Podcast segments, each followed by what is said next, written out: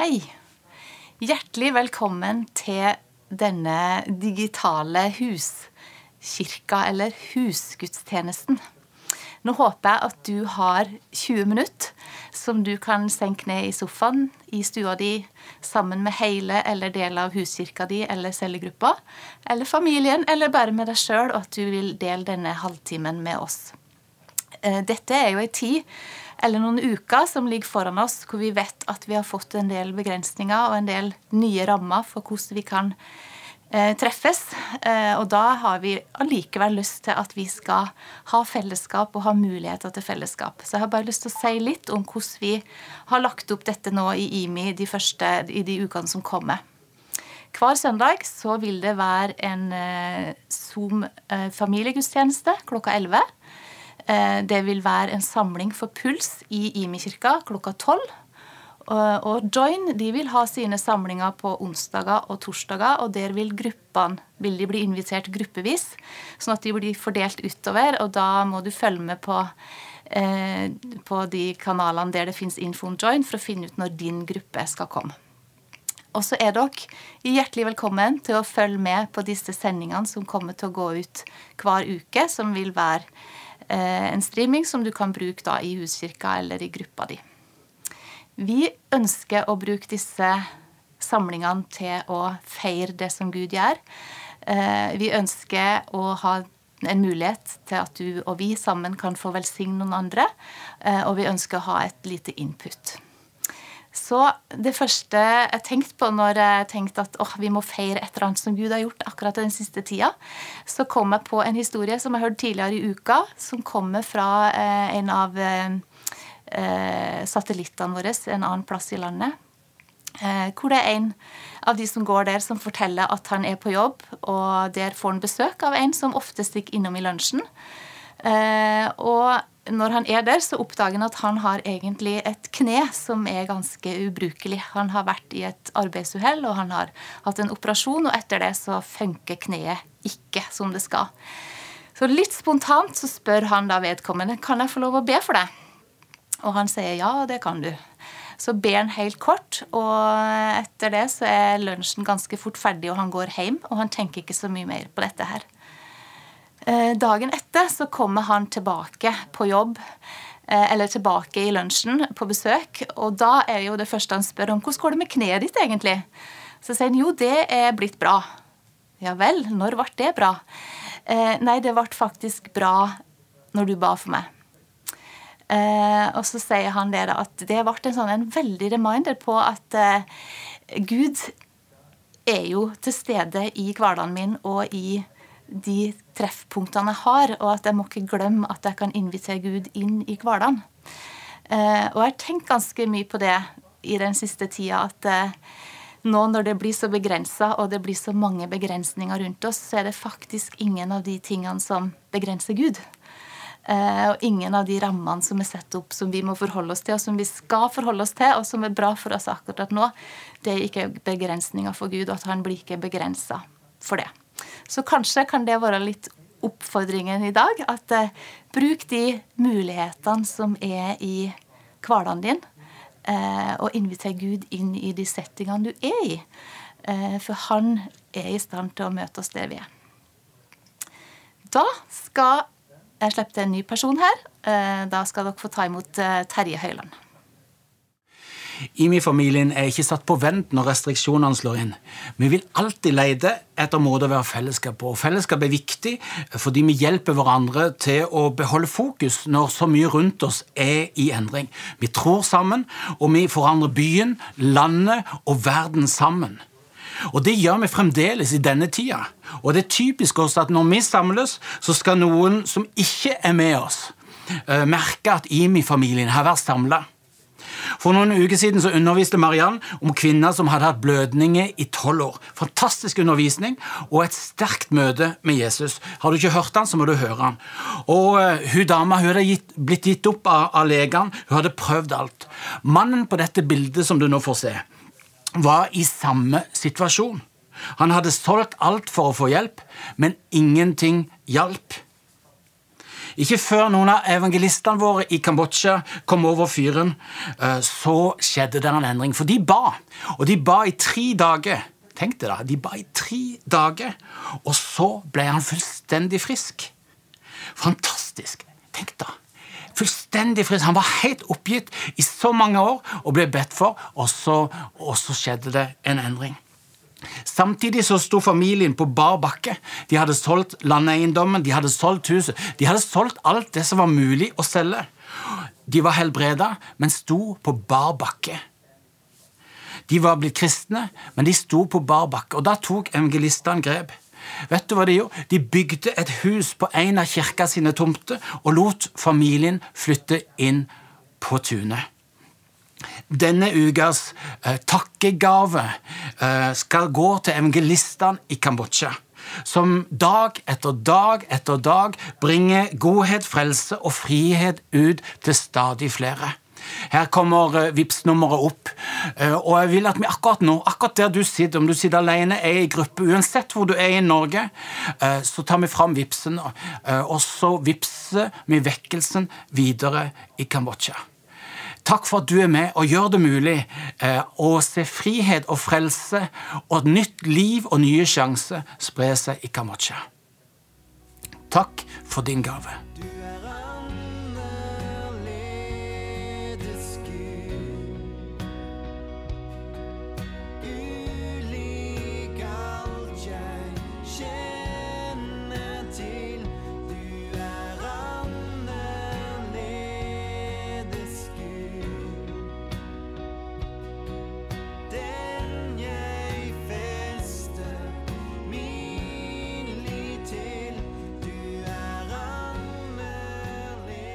Hallo, mitt navn er Geir Loftesnes og er en del av pastorteamet her i Imekirka.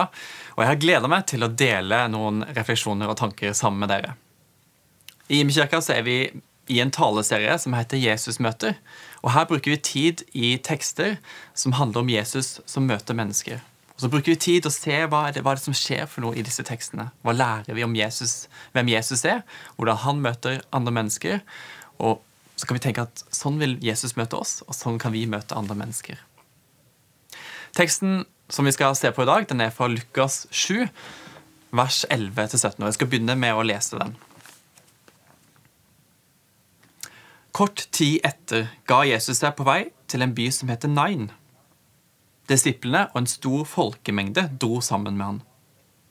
Da han nærma seg byporten, ble en død båret ut til graven. Han var sin mors eneste sønn, og hun var enke. Sammen med henne kom et stort følge fra byen. Da Herren fikk se enken, fikk han inderlig medfølelse med henne og sa, 'Gråt ikke.' Så gikk han bort og la hånden på båren, og de som bar, bar den, stansa, og han sa, 'Du unge mann, jeg sier deg, stå opp.' Så satte den døde seg opp og begynte å tale, og Jesus ga ham til moren. Alle ble grepet av ærefrykt, og de lovpriste Gud.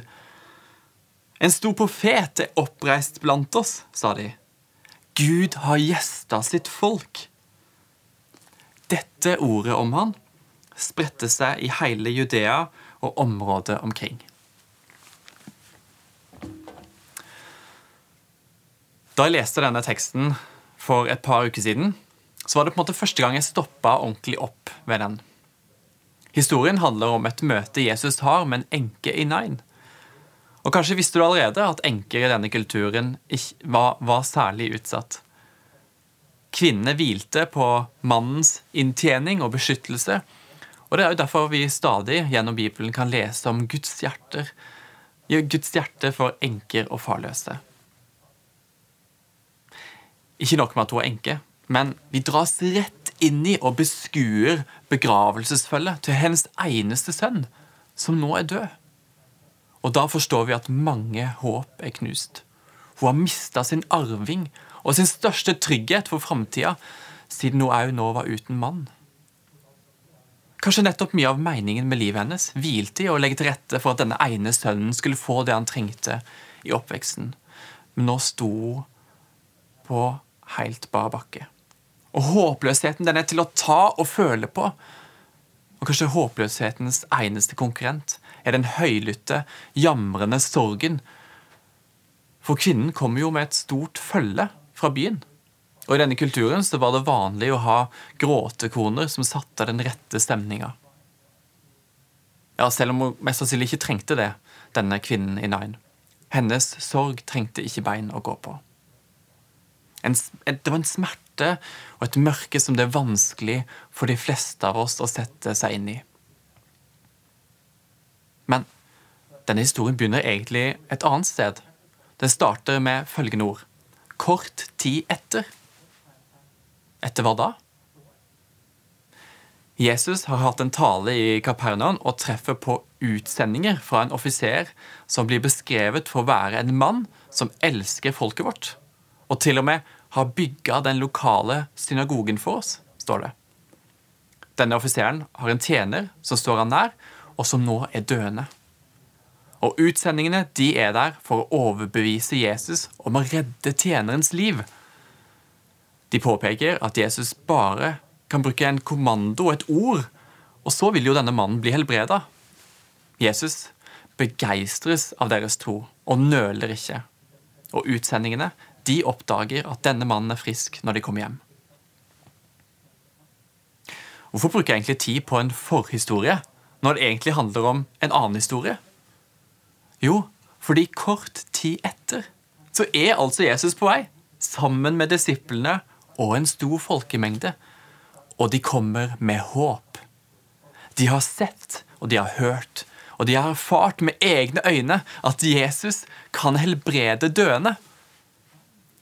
Han har så mye makt at ondskapen flyr ved Jesu egne ord. Jeg ser for meg at i dette, denne folkegruppa her som var på vandring, så var det masse glede og sikkert mye forundring. Ja, For disiplene har kanskje sett noen ganger lignende ting nå. Selv om det ikke nødvendigvis setter en demper på deres begeistring heller. Men i denne folkemengden så er jeg sikker på at det var flere som aldri hadde opplevd lignende. Og jeg ser for meg at de oppildner hverandre, takker Gud og ler. Og det er god, gammeldags hallelujastemning. Og så kommer dette krasjet mellom disse to folkemengdene. Folkemengden fra begravelsesfølget og folkemengden sammen med Jesus. Og det blir et krasj mellom to ulike verdener det jordiske og det himmelske. Det håpløse og det håpefulle. De sørgende og de glade. Og når Jesus er med i dette regnestykket, så er det òg en av disse verdenene som går seirende ut. Jesus legger hånda på båren, snakker til det som er dødt. Du unge mann, jeg sier deg, stå opp! Og som vi allerede har lært, ondskapen flyr ved Jesu egne ord. Så gutten reiser seg opp og blir tilbake til det som ikke lenger bare er en enke, men nå òg er en mamma igjen. Det ubeskrivelige skjer, men Lukas har likevel forsøkt. Vi kan lese alle ble grepet av ærefrykt, og de lovpriser Gud. Og Gud har gjesta sitt folk, konkluderte de. Vi kjenner det igjen. Smerten i denne verden har ikke nødvendigvis enkle svar, men den har mange ulike ansikt. Et av dem er at Matthew, en flott mann som tilhørte vår menighet, forrige uke så reiste han til himmelen mye tidligere enn det som var Guds plan for hans liv. Og i begravelsen for et par dager siden så pekte enka hans på et himmelhåp som løfta hele seremonien. Så dette her krasjet mellom to verdener står fortsatt igjen med en vinner, selv i de mest grufulle og meningsløse erfaringene. Nøden er gjerne større enn på lenge i vår verden pga. covid-19. Andre steder i verden er det kanskje, en kanskje mer synlig og sterkere enn i våre nabolag. Og vi kan være takknemlige for, for alt det vi blir spart for. Men òg blant våre venner og kollegaer og medstudenter, naboer eller tilfeldig forbipasserende, så kan vi merke at ensomheten, frykten og sykdommene og smerten setter krokfot på det perspektivet på livet som Gud egentlig hadde for dem. Så bærer vi et håp Og så kommer vi òg med håp. For Jesus som har stått opp fra de døde. Han, altså, Mørket kunne ikke holde han nede. Han har overvunnet døden. Og den samme kraften som reiste Jesus opp fra de døde, den bor i oss. Jesus har tatt bolig i oss ved sin ånd. Og synden, alt det gale vi har gjort som holdt oss borte fra Gud, det har Jesus òg tatt bort. Han setter oss fri allerede nå og enda mer inn i en evighet som venter på oss. Håp er høyst levende i dag. Som Paulus sier i en velsignelsesbønn til romerne. Må håpets Gud fylle dere med all glede og fred i troen, så dere kan bli rike på håp ved Den hellige åndskraft. Og vi får være disse menneskene som er rike på håp i dag. Og òg håpet har mange ansikt. Det kan være å gi praktisk godhet. Å se andre mennesker og inkludere dem inn i våre fellesskap. Helbrede syke. Ha tro for tegn og under og mirakler. deler håpsetninger på arbeidsplasser og studiesteder. Jeg er overbevist om at verden trenger det. Og jeg er overbevist om at Jesus i dag fortsatt er vinneren når disse to verdenene fortsetter å krasje inn i hverandre i din hverdag. Kristus gir oss håpet om herlighet. Jeg takker deg, gode Far i himmelen, for at du er nær, og at du er til stede. Og takk for at du er så full av håp, og at ingenting kan holde håpet nede. Håpet er sterkere enn døden. Og takk for at det håpet får fylle våre liv. Og takk for at vi får bringe det ut i denne verden i dag. Og takk for at det håpet skal få være erfarbart der hvor vi måtte vandre i vår hverdag. Jeg ber om at du skal fylle oss opp med din ånd, og gi oss tanker og ideer på hvordan vi kan gi dette håpet videre. Amen. Takk skal du ha, Geir. Ehm, jeg håper at eh, de ordene som Geir har delt, er noe som ikke er avslutta nå, men det er ting som kan leve videre i oss gjennom uka. Eh, og som en liten hjelp til det, så har òg eh, Geir laga tre spørsmål til oss som vi kan ta med oss for vår egen del, men også som samtale de, sammen med de menneskene som du nå har lov til å være sammen med. Så nå skal du få de tre spørsmålene. Det første spørsmålet er hvordan kan du gi rom for at Gud kan fylle ditt liv med enda mer håp? Og spørsmål to hvordan tror du andre mennesker legger merke til det håpet du bærer med deg i din hverdag? Og det siste spørsmålet hva drømmer du om at håpet som bor i deg, skal krasje inn i og forandre i menneskene rundt deg. Ta dette med deg. Eh, hvis du ikke er med i huskirke og tenker at oh, jeg har lyst til å koble meg på noen nå i den tida her, så ta kontakt med Irene imekirken.no. Eh, så vil hun ta kontakt med deg for å hjelpe deg inn i et fellesskap. Og så er du velkommen til å hekte på disse samlingene som kommer eh, hver uke. Eh, og med deg på veien i dag og for denne uka så har jeg òg lyst til å gi deg Guds velsignelse på veien. Herren velsigne deg og bevare deg. Herren la sitt ansikt lyse over deg og være deg nådig. Herren løfte sitt ansikt på deg og gi deg sin fred. Amen.